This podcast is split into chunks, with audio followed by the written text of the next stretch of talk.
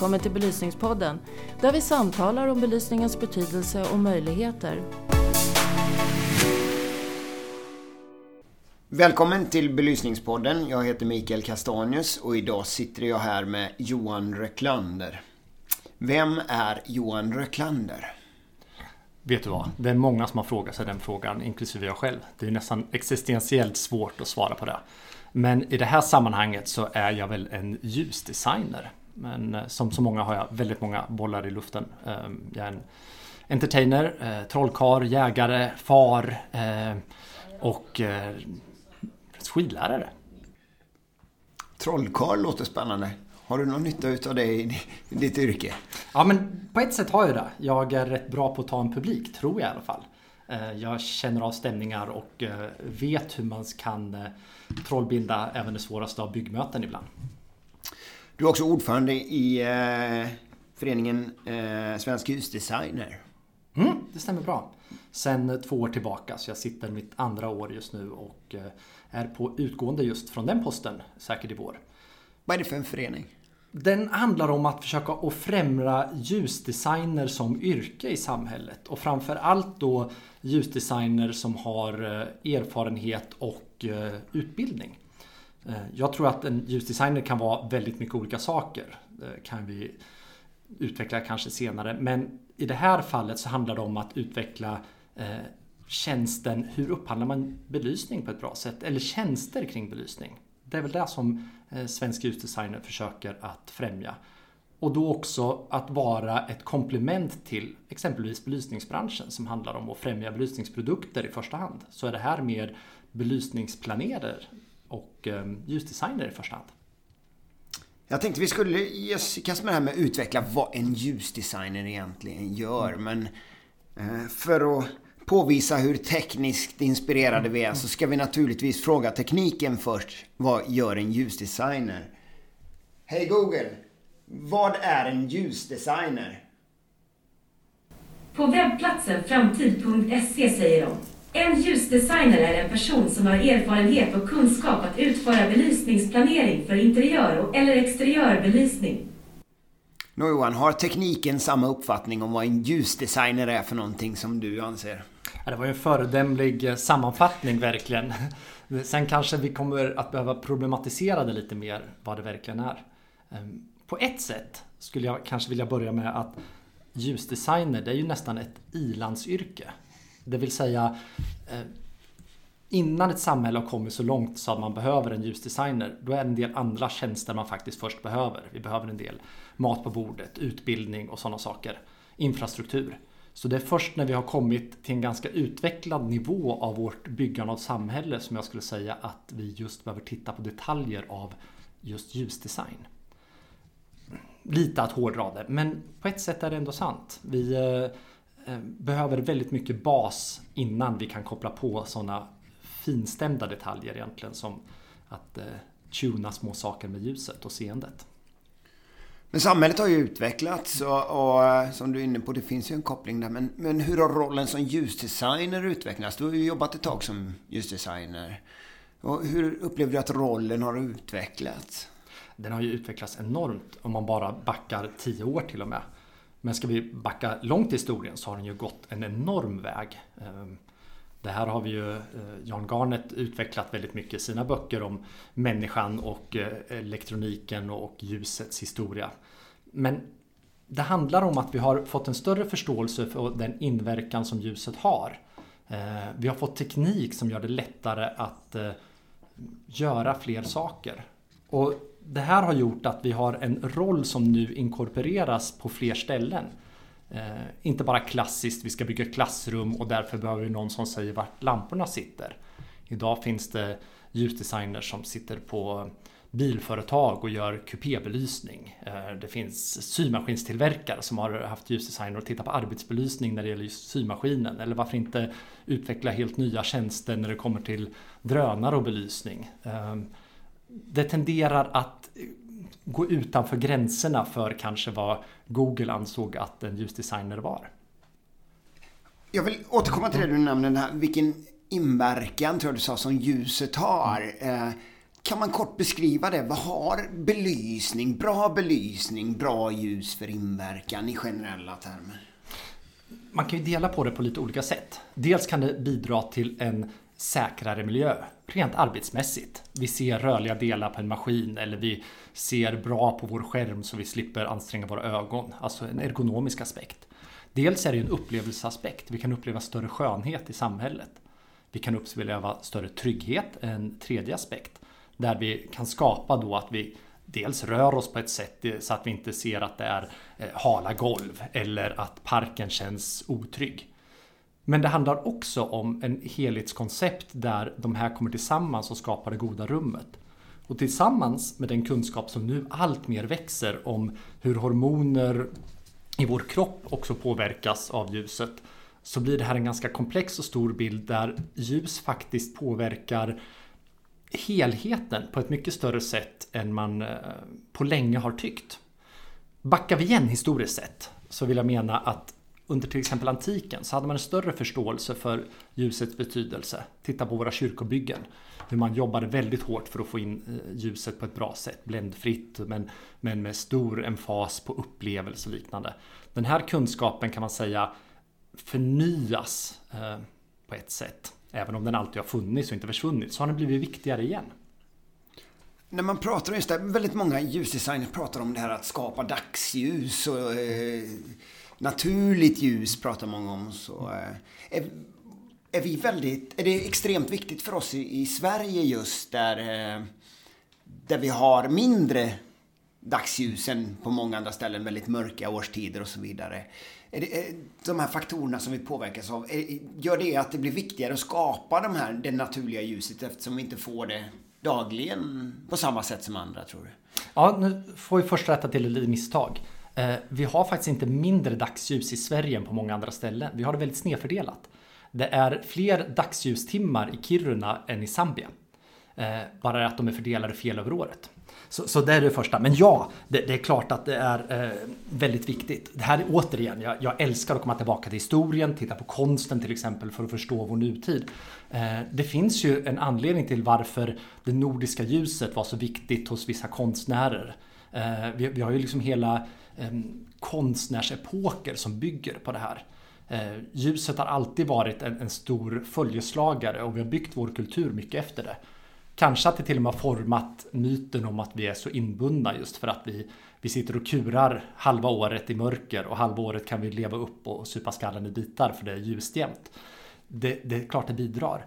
Det här tror jag gör också att vi ser på belysning på ett annat sätt eh, än många andra. För vi har en dynamik av det naturliga ljuset i de norra delarna av halvklotet här som gör att vi, vi anpassar även det artificiella ljuset till det. Vi bygger vårt Eh, samhälle efter det. Hur vi gör våran, allt från vägbelysningen till kontorsbelysningen till hemmet. Vi eh, köper mycket mer stearinljus här än i Italien till exempel. Eh, det säger någonting om att, att det, det är på något sätt väldigt, väldigt viktigt att ha ljuset. Eh, kommer vi till vissa andra breddgrader så är ljuset mer harmoniserat, mer jämnt över årstiden. Det ser likadant ut. Här gör det inte det, mycket för att naturen ändrar sig. Vi får snö, det ger en annan reflektion. Träden tappar sina löv, det ger ett annat ljus och så vidare. Så att det, det sker någonting Eh, med ljuset, även om inte vi förändrar det så förändrar naturen det åt oss och hela upplevelsen av rummet. Men ställer det här specifika krav på tillverkningen av belysningsprodukter och så vidare och det är ert arbete som ljusdesigner att jobba i Sverige med just det här att eh, det är ju som du säger, det är naturligtvis vissa årstider som det är väldigt mörkt och, och, och, stora delar och sen är det andra då det aldrig blir mörkt ungefär. Eller eh, vad ställer det för specifika krav på, på, på produkter och, planerare i Sverige? Jag tror att på, på, produkterna i sig ställer det inte jättemycket större krav än någon annanstans. Visst, det ska tåla lite minusgrader långt upp i norr till skillnad från om vi sätter i Saudiarabien där det inte behöver det. Eh, men där å andra sidan ska det tåla väldigt mycket mer plusgrader. Eh, så tekniken i sig kanske inte påverkas så mycket av det utan det är mer hur vi använder den. Ehm, Ja, om vi inte går på extremexempel att vi har tjäle och därför måste fundamenten utformas på ett visst sätt kanske. Men annars är det nog mer i planeringen och användandet av tekniken som vi ser det. Och där ser vi att det finns en viss anpassning. Ehm, här skulle jag vilja se lite mer forskning innan jag kan vara säker på det. Men av mina resor runt om i världen så tycker jag mig se att det finns någonting annat när vi kommer norrut än när vi kommer söderut. Ehm, I hur vi planerar ljuset. Kanske inte kontorslandskapen, för de ser väldigt lika ut. Men i övrigt så händer det någonting. Det, det sker något med viljan att eh, föra upp mer ljus. Um, vi håller oss ganska neutrala när det kommer till att använda färg till exempel. Vi använder väldigt mycket vitt ljus. Varmt och kallt ljus spelar vi lite med. Men, men vi, är, vi är väldigt försiktiga med färgat ljus. Kommer vi till Asien så är det en helt annan sak. Och vissa arabländer där man, där man drar på mycket större växlar i det. Ehm, där man kanske behöver den färgprakten på ett annat sätt. Jag vet inte. Möjligen är det en kulturell skillnad. Möjligen har det att göra med naturen och ljusets växlingar. Du pratar lite om forskning här och du har ju en koppling till akademin som vi ska komma in på lite mm. senare. Men jag upplever att det är väldigt lite forskning på belysningsområdet. Både kring det här vi pratade om innan, hur belysningen påverkar studieresultat i skolor och så vidare och så vidare. Men även annat. Varför tror du att det är så lite forskning som är gjort på de här frågorna? Det är nog flera faktorer som spelar in där. Ehm, till att börja med kan jag ju bara hålla med om att det, det är katastrof att vi har så lite forskning. Det borde finnas mer. Ehm, men det kommer nog. Det kommer att komma med att det finns en ny eh, yrkeskår som, som jobbar enbart med belysning. Det kommer att komma med att det finns numera akademisk utbildning sedan ett antal år tillbaka som gör att det kommer ut forskare. Och det kommer att komma med att när man håller på och utvecklar en ny teknik så tar det väldigt mycket fokus. Det brukar resultera i forskning sen hur man använder tekniken. Det jag menar är, vi har haft en LED-revolution som är enorm och fortsätter och är jättespännande. Och det kommer att leda till att man också börjar forska på hur används den? På vilket sätt? Vad kan det leda till? Eh, hur kommer det här att påverka oss? Redan har man ju den stora flimmerdiskussionen igen som fanns innan HF-donen. Eh, men det kommer att leda till andra diskussioner också. Och framförallt ser vi det eftersom vi har en digital teknik. Det blir det som blir så spännande då, för då börjar vi prata helt plötsligt med andra områden. Internet of things, smarta staden, eh, artificiell intelligens som vi på något sätt ska koppla ihop med belysning också. Och då kommer det ännu mer spännande. Då kommer andra forskningsområden in och så börjar man prata med varandra och förhoppningsvis kommer det att driva ny forskning. Men vi behöver väldigt mycket mer av den varan. Du nämnde, jag pratade här lite grann om LED-revolutionen. Um, är LED en revolution? Är det lösningen på belysningsproblemen? Många pratar om LED och alla goda effekter de har. Hur ser du på LED? Som alla revolutioner så finns det ju en nackdel med den. Ehm, för ja, det är en revolution. Det, är en enorm förändring. Ehm, men det är klart att det finns problem med den. Och det är Eh, inte teknikens fel i sig skulle jag vilja säga. Speciellt inte i det här fallet för tekniken går att göra så mycket gott med. LED-tekniken är eh, redan nu ganska långt kommen. Den har otroligt mycket fördelar med många av de äldre teknikerna. Men det finns ju självklart nackdelar också. De måste vi hantera. Eh, återigen så kommer det nästan tillbaka till att det handlar om användning. Den som planerar in, installerar, driftar och programmerar den är ju också ansvarig för att tekniken används på det sätt som den ska göra och hur den funkar bäst. Jag brukar säga att det finns alltid en plats för alla armaturer i världen. Däremot så ska alla armaturer inte vara överallt. En eh, överanvändning nu av de här 60-60-plattorna som vi brukar ibland lite nästan håna i, i belysningssammanhang eh, tycker jag är fel. Båda att man överanvänder dem och att man hånar dem. Det är inte deras fel att de är fyrkantiga och 60 och används överallt. Använder man dem rätt så är det jättebra. Men används de överallt, då funkar de inte. Det är ingen som får för sig att sätta upp en 60-platta som vägbelysning. Och det kan man ju tycka låter idiotiskt att ens föreslå. Men lite grann så ibland gör vi. Vi tar ny teknik och stoppar in den på massor med ställen för att testa vart funkar den och den är billig och den är bra och den är vacker. Så upptäckte vi att det kanske inte varit så billigt och bra och vackert i slutändan. Alltså, revolutionen är här och nu gäller det att vi också börjar ta hand om den. Hur ska vi använda oss av allt det som vi har lärt oss? Eh, och vi måste börja prata om ganska svåra frågor som eh, återanvändning. Eh, livslängd. Är det bara av godo att vi har enorma livslängder helt plötsligt? Hur kommer det att påverka vårt konsumtionssamhälle? Ehm, är det det bästa? Och det är frågor som jag absolut inte har något svar på, men det är också frågor som inte ställs så mycket just nu. Du nämnde om det här med standardiserade LED-plattor mm. som är på så många offentliga miljöer och så vidare. Varför ser det ut så? Jag är tror... det den bästa lösningen för alla eller varför ser det ut så överallt? Gör man det enkelt för sig eller är det okunskap? Det, återigen, mångfacetterat svar. Nej, men det är klart att det är för att man gör det enkelt för sig. Och, och eh, varför det sitter på så många platser, det har att göra med att eh, ekonomi. Så, så, enkelt och kralt är det ju. Vi kommer tillbaka till att det är väldigt enkelt. Vi har ett, ett system här i eh, Norden där vi använder väldigt mycket innertakssystem som just är utformade perfekt för att passa en 6060-platta och då är det väldigt lätt att installera, projektera, beräkna eh, och så underhålla såklart. Så att det är klart att det, det är väldigt lätt att göra. Och det kanske behövs på väldigt många ställen också. Däremot så måste vi ju se andra saker. Vad kan man göra mer? Vi måste ju ifrågasätta hela tiden det vi gör, speciellt när vi står i en revolution. För revolutionen i sig har ju ifrågasatt det där som var innan. Och då måste vi andra fortsätta ifrågasätta. Är det rätt att vi har en stolpe vid vägen som vägbelysning? Är det rätt att vi har eh, en pendlad armatur som skrivbordsbelysning? Är det rätt att vi har en eh, skrivbordslampa som står på fot och så vidare? Och i vissa fall kommer vi fram till att ja, det var rätt. Och så använder vi det. Och i vissa fall kommer vi fram till att nej, det var inte rätt nu, utan då gör vi något annat. Så det handlar om, om återigen flera faktorer och, och okunskap alltid. Vi lider ju laktoniskt av okunskap som människor. Alltid. Vi söker ny kunskap, vi söker nya idéer och tankar och vi utforskar. Och på den vägen kommer vi alltid att göra massor med fel. Så, så det är ofrånkomligt. Så därför så, så blir det en... Vi ligger alltid efter i kunskapen. Men hur ska man kunna göra rätt alltså som upphandlare? Det måste vara enormt svårt. Du sitter som upphandlare på en kommun, du köper in allt möjligt och belysning är en sak. Och jag hade något exempel här, träffade någon politiker, de hade beslutat i sin kommun om att byta ut all utebelysning till LED-belysning. Mm. Jättesmart och de sparar mycket pengar och det, det, är naturligtvis väldigt klokt av flera mm. skäl. Men det blev inte riktigt så bra som de hade tänkt sig för de trodde bara att det var att byta helt enkelt. Och riktigt så enkelt är det ju inte. Eh, vad, vad, är ditt råd till upphandlare? Vad ska man göra? Eh, vem kan hjälpa de här upphandlarna som sitter och inte vet riktigt vad man ska handla upp?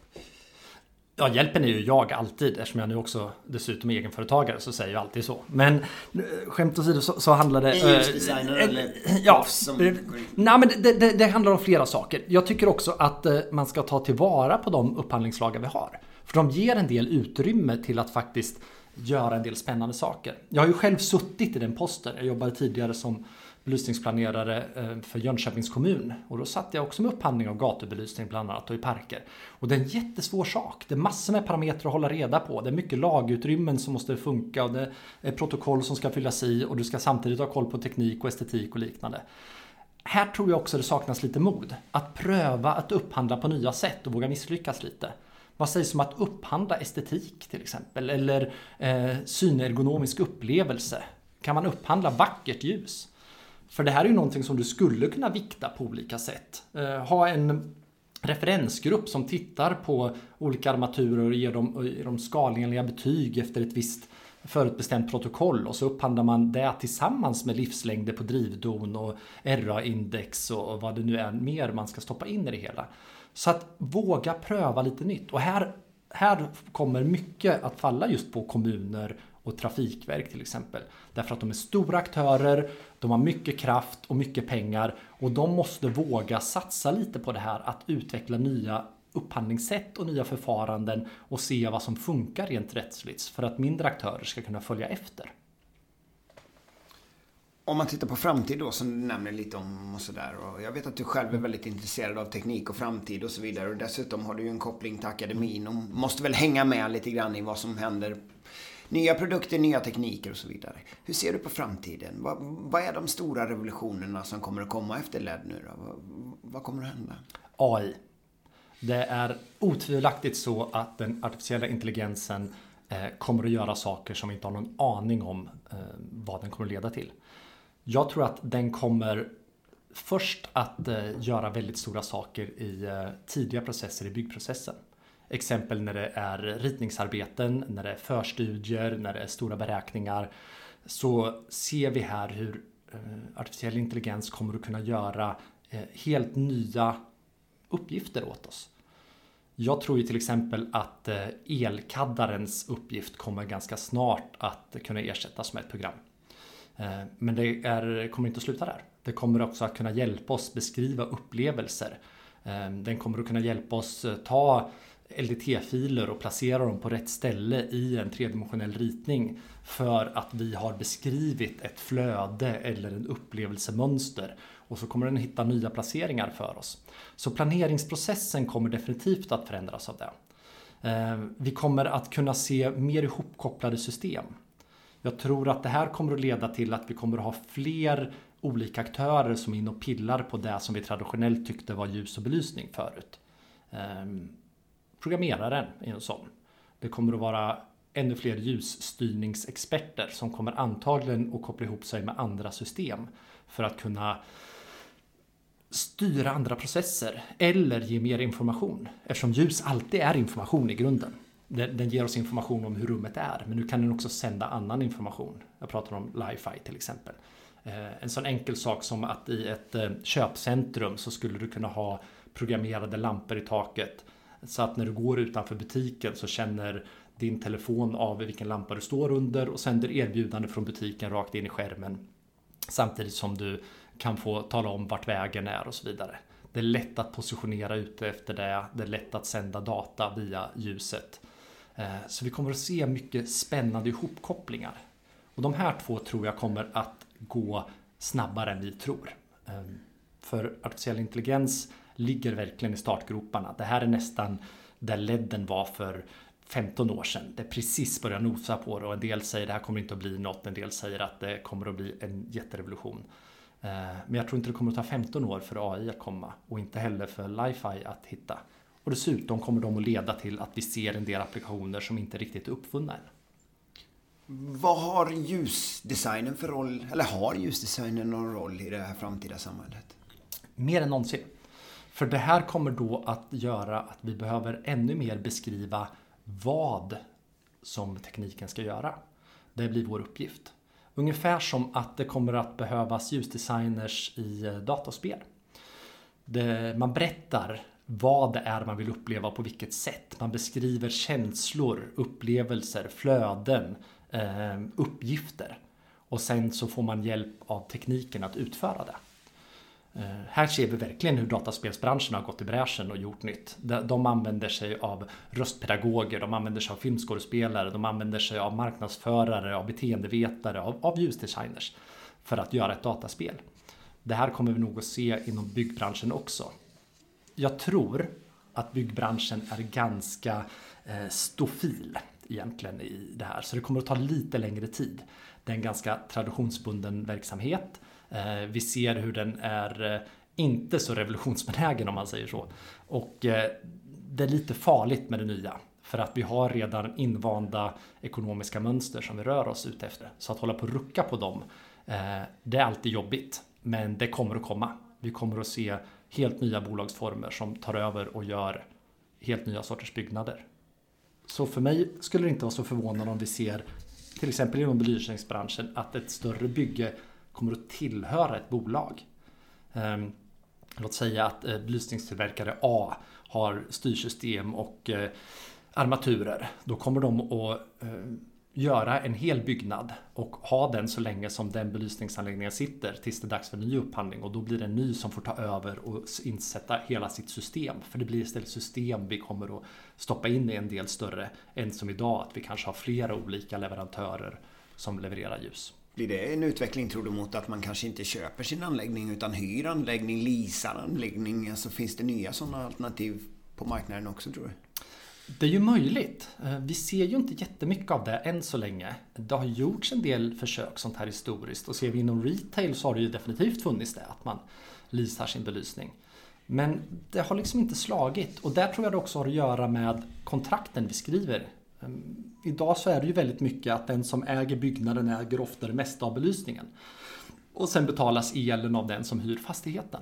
Och det här ger ganska dåliga incitament för att hyra sin belysning eller så. Så att jag tror att vi kommer att se lite kanske andra kontrakt. Eller vi kanske ser byggnader som inte eh, hyrs ut med redan förinstallerad belysning. Då kan det börja komma just sådana spännande saker.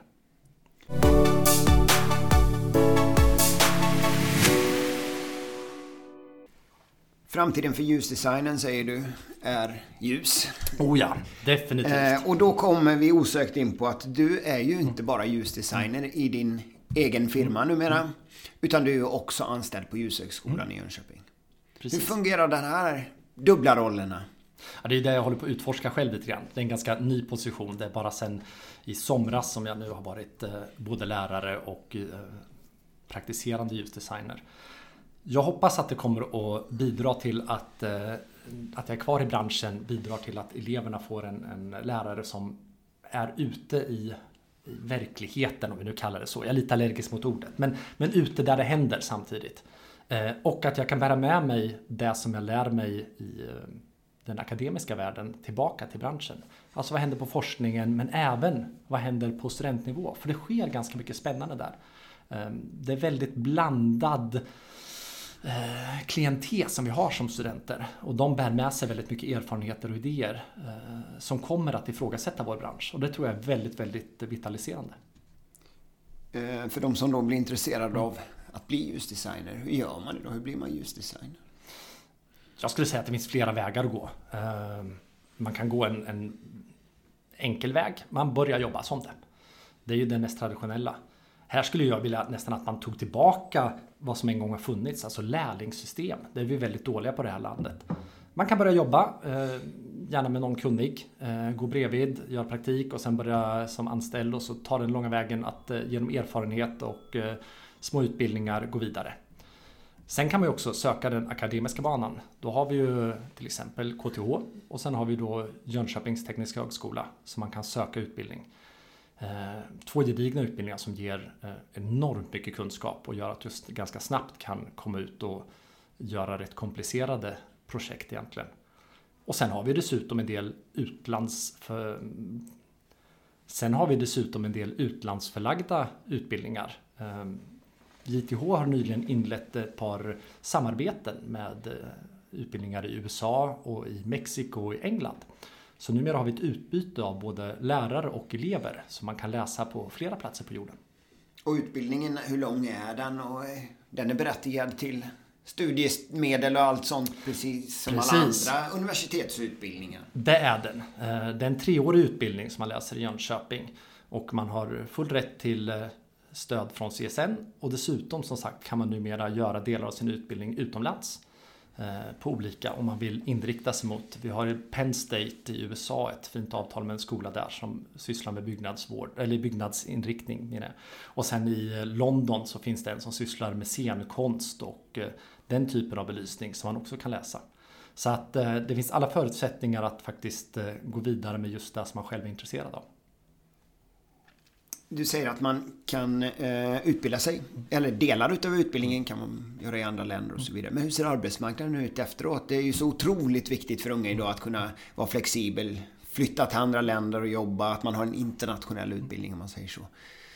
Får man jobb? Får dina studenter jobb utomlands om de har det intresset? Ja, vi får dem.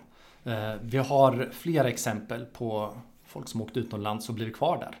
Eh, från Nya Zeeland, Australien och Singapore till London och New York och även i Sydamerika. Så att det är en attraktiv eh, eh, kurs att gå faktiskt. Det är många som har börjat jobba. Det är många som har använt den som ett språngbräde in till andra saker. Att man läser vidare arkitektur eller elteknik eller någonting och har det här som ett komplement. Så att jag skulle säga att den står sig ganska bra internationellt. Men det kräver att du är den typen av person som verkligen vill någonting själv. För den här utbildningen serverar inte jobbet på ett fat. Däremot så serverar den en högklassig utbildning som ger dig möjlighet att lära dig någonting väldigt, väldigt mycket om du vill. Eh, och en bra språngbräda. Men man ska nog inte gå den här om man tror att man eh, blir headhuntad av ett internationellt företag. Däremot så, så ja, alla möjligheter finns. Men vad har man för möjligheter nationellt om man tittar på det? Det jobbar man på arkitektbyråer eller jobbar man hos tillverkare eller vart tar de vägen? Studenter? Ja, är svaret på det. Vi ser att det hamnar både på tillverkningsskede, utvecklingsskede, eh, försäljning, arkitektbyråer, stora konsultbyråer. eh, Vi jobbar på kommuner, egenföretagare och det finns en del obskyra som har börjat med allt möjligt. Eh, LED-utveckling, som jag sa, biltillverkare för kupébelysning. Eh, så att det är en hel del olika saker som folk har faktiskt sysslat med. Eh, och det finns nog en hel del marknad kvar att utveckla och hitta som är helt outvecklad fortfarande. Det skulle jag tro. Jag vet att du har en ganska nära relation med, med flera av dina studenter i varje fall och pratar mycket med dem och sådär. Och, och jag antar att du fått frågan flera gånger. Vad är viktigast att tänka på när man ska jobba med ljus utav studenter och så vidare? Har du något standardsvar på den frågan? Jag har inte det. Jag brukar anpassa svaret ganska mycket efter eh, vad studenten egentligen frågar. För den där frågan eh, utgår från att du har en idé om var du hamnar. Och är du intresserad av, av utveckling av armaturer så är svaret lite annorlunda än om du vill syssla med eh, ren eh, gatuljusplanering till exempel. Däremot så en sak som är unisont för alla tycker jag, det är att man ska inse att det här är i grunden ett serviceyrke. Även om du kanske inte möter kunden öga mot öga ens någonsin så är det en service att du ger servicen genom upplevelsen av rummet. Alltså du ska skapa det goda rummet för en slutanvändare. Så du måste vara intresserad av hur du kan serva människor i deras förmåga att ta in och uppleva rumsliga miljöer. Det handlar om synergonomi, det goda ljuset. Och där tror jag att eh, alla som är där ute och jobbar måste inse om de ska göra ett bra jobb. Eh, från säljare till tillverkare till planerare till eh, montörer. Och där tror jag vi har ganska långt kvar att jobba in. Att vi ser att det här är ett samarbete som går över alla gränser. För att jag som ljusdesigner kan aldrig göra mitt jobb eh, utan någon annan. Jag behöver till att börja med rummet, ytan. Ljus syns inte utan det är ljus i interaktion med yta som syns. Så redan där börjar ju jag med att jag behöver någon annan. Och sen så behöver vi ytterligare på det. För att göra någonting som är artificiellt belyst så behöver jag tekniken. Oavsett om det är en marschall som ska tändas eller en eh, avancerad DMX-programmerad moving head. Och då behöver jag tillverkarna och utvecklarna av det. Och jag behöver säljorganisationen och installatören och jag behöver den som underhåller det. Så mitt råd är också, bli en människomänniska. En som gillar att eh, prata med många olika, förstå många olikas problematik. Och sitt lite som översättaren mitt emellan. För du ska kunna ta alla de härs vilja och till slut tillsammans göra en slutprodukt som blir en helhet. Innan vi lämnar akademin och och JTH så måste jag ju fråga naturligtvis. Vi är många som är engagerade i, i branschen i, i utvecklingen utav utbildningen och så vidare och försöker bidra och, och ser väldigt positivt på det som händer. Men kan man se något konkret? Nu har ljusdesigners en egen utbildning. Så där. Ser ni något konkret som det betyder? Har det betytt någonting för branschen? Ja, det har det. Och det kan vi se genom att var vi än går numera så är det ändå utbildat folk som sitter på olika positioner. Eh, antingen med långa erfarenheter eller utbildning och långa erfarenheter eller bara utbildning eller någon kombination av det. Men det har lyft ljusfrågan mycket, mycket högre än om vi backar 15-20 år. Eh, sen kanske det är svårt att säga att det bara berott på utbildning, men jag tror att det har varit en stor bidragande orsak. Och vi ser också att det bidrar till att det blir en sorts hundklubb. Många känner varandra, kan prata om samma erfarenheter och därmed har ännu lättare att göra affärer och projekt ihop.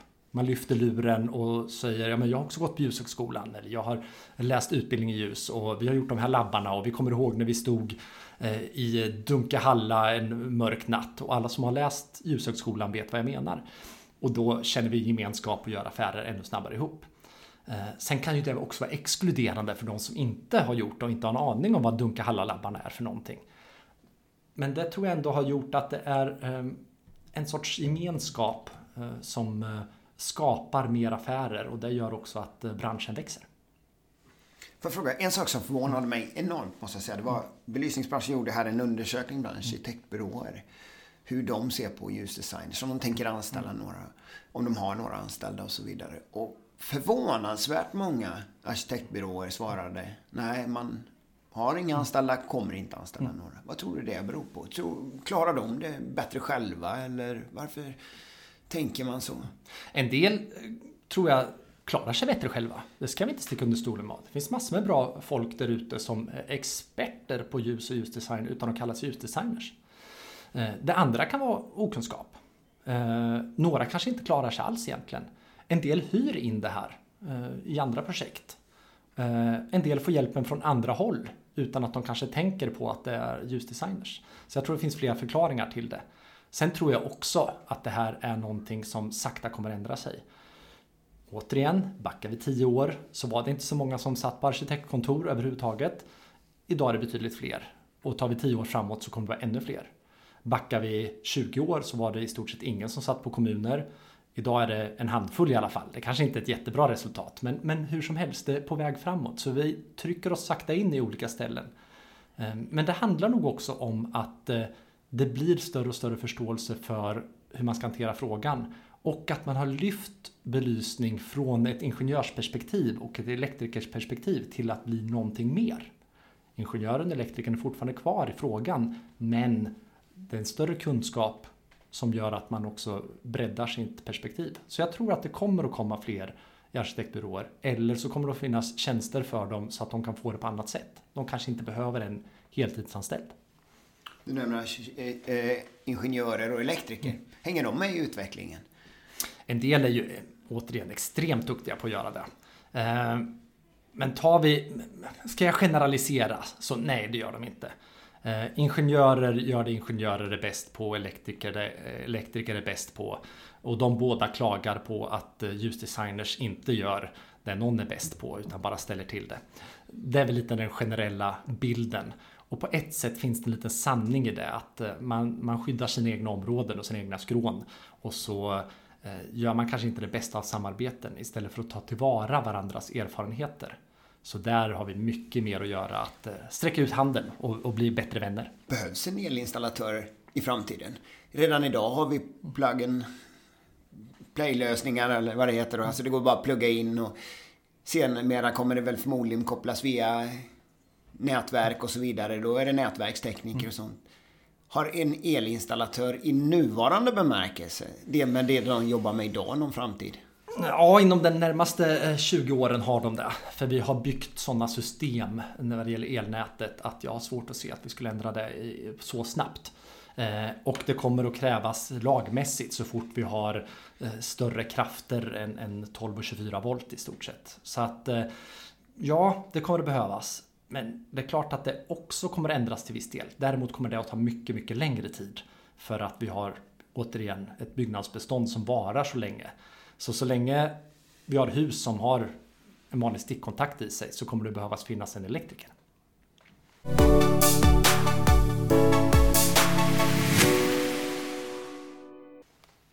Johan, vi ska börja avrunda den här diskussionen. Men jag är ju otroligt nyfiken på drömprojekt i framtiden. Du har ju många järn i elden redan idag. Men om du skulle få definiera ditt drömprojekt. Det där skulle jag vilja jobba med någon gång. Vad skulle det vara för projekt?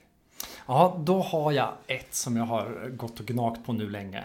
Och det är eh, ett projekt som egentligen kanske handlar mer om forskning eller, eller kunskapsutveckling.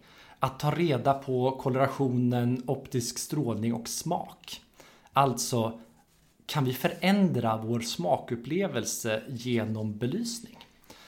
Ehm, det är någonting som jag just nu suger på om det låter sig göras rent studiemässigt och hur kan man sedan applicera det här till reella restaurangmiljöer eller en skolrestaurang eller inom sjukvården. Det vore spännande att se om det överhuvudtaget är möjligt. Väldigt spännande med tanke på att vi i den förra podden diskuterade mycket kring Franzén, restaurangen här som vann ljuspriset och vad belysningens betydelse för matupplevelsen där. Ska inte sticka under stolen med att det är ett av exemplen som har inspirerat mig att tänka de här banorna. Jättekul. Poddgäst. Om du skulle lyssna på den här podden, vem skulle du vilja höra då? Jag har egentligen kategorier av folk jag skulle vilja höra. Jag skulle vilja höra från forskningen och där har jag ett spännande namn som heter Johannes Lindén vid universitetet i Danmark. Eh, han eh, har en del roliga inspel och, och jag skulle vilja att han utvecklar den ultimata ljuskällan och sina tankar runt den. Eh, sen skulle jag ju vilja höra från eh, praktiken. Eh, Julia Engberg är en som jag ser mycket upp till. Eh, hon har gjort allt från ishotellet till barnpalatset och väldigt spännande eh, resa. Det vore otroligt så kul. Och sen skulle jag också vilja höra från studentvärlden. Och varför inte då chocka med lite utländska studenter? Vi har Anne Lycke Torup och Iris Moladin från Danmark och Holland som är exceptionella talare och gör jättespännande projekt redan som blivande studenter. Kul, det låter som vi får eh, fortsätta med den här podden ett tag. Tack Johan, jätteschysst att du tog dig tid. Jag tackar för att jag fick komma, det var det spännande. Tack så mycket.